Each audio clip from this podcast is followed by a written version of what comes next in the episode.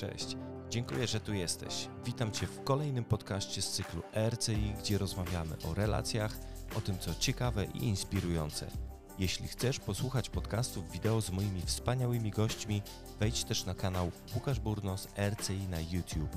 A tymczasem rozsiądź się wygodnie i spędź te parę minut słuchając tego, co mi w duszy gra. Kto wie, może zagraj Tobie.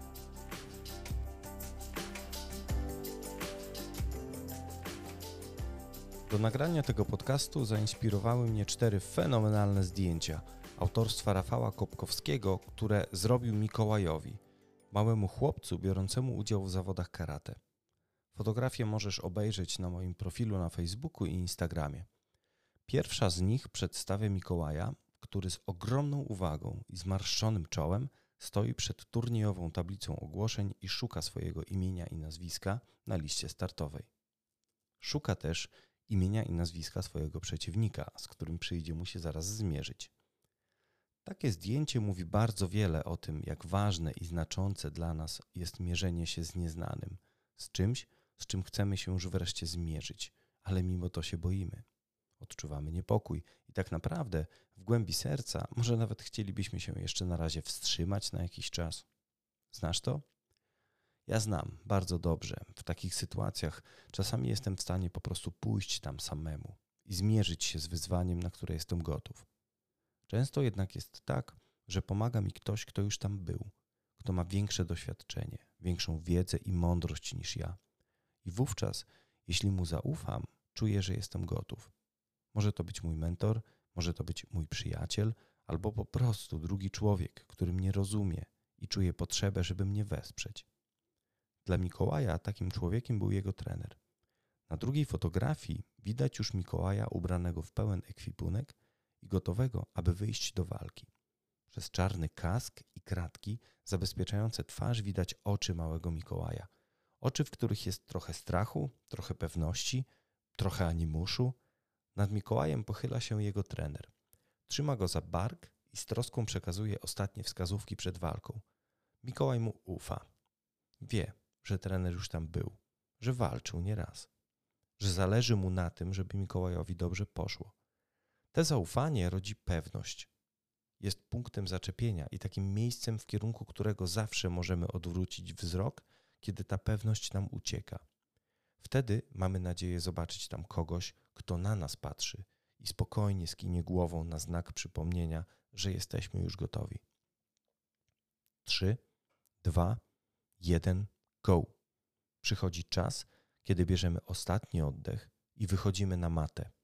Znika strach, znika niepokój.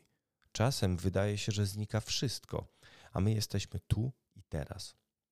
Czasami nawet nie pamiętamy dokładnie, co się z nami działo, kiedy mierzyliśmy się z tym, co dla nas ważne.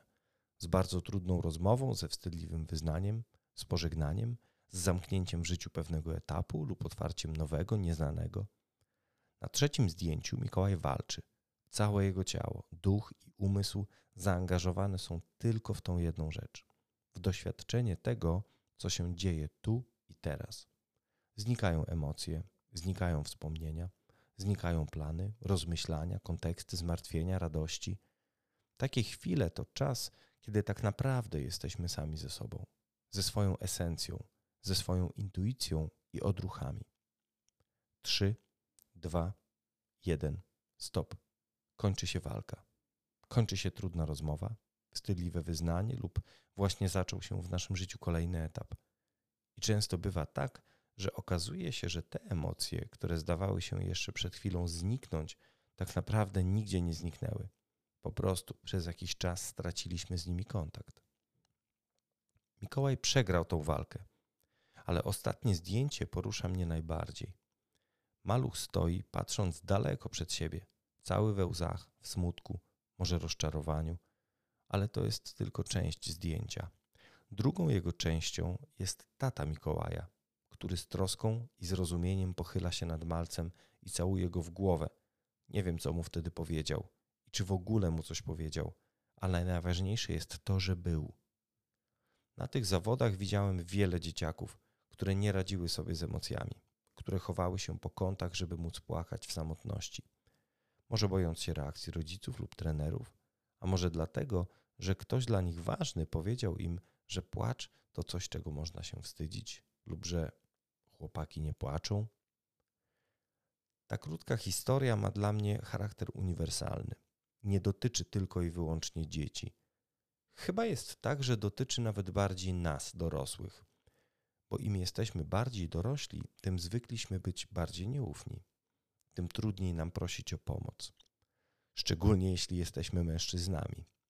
Wreszcie, tym trudniej jest nam stworzyć relacje, które będą dla nas oparciem w sytuacjach, które na daną chwilę są po prostu większe od nas.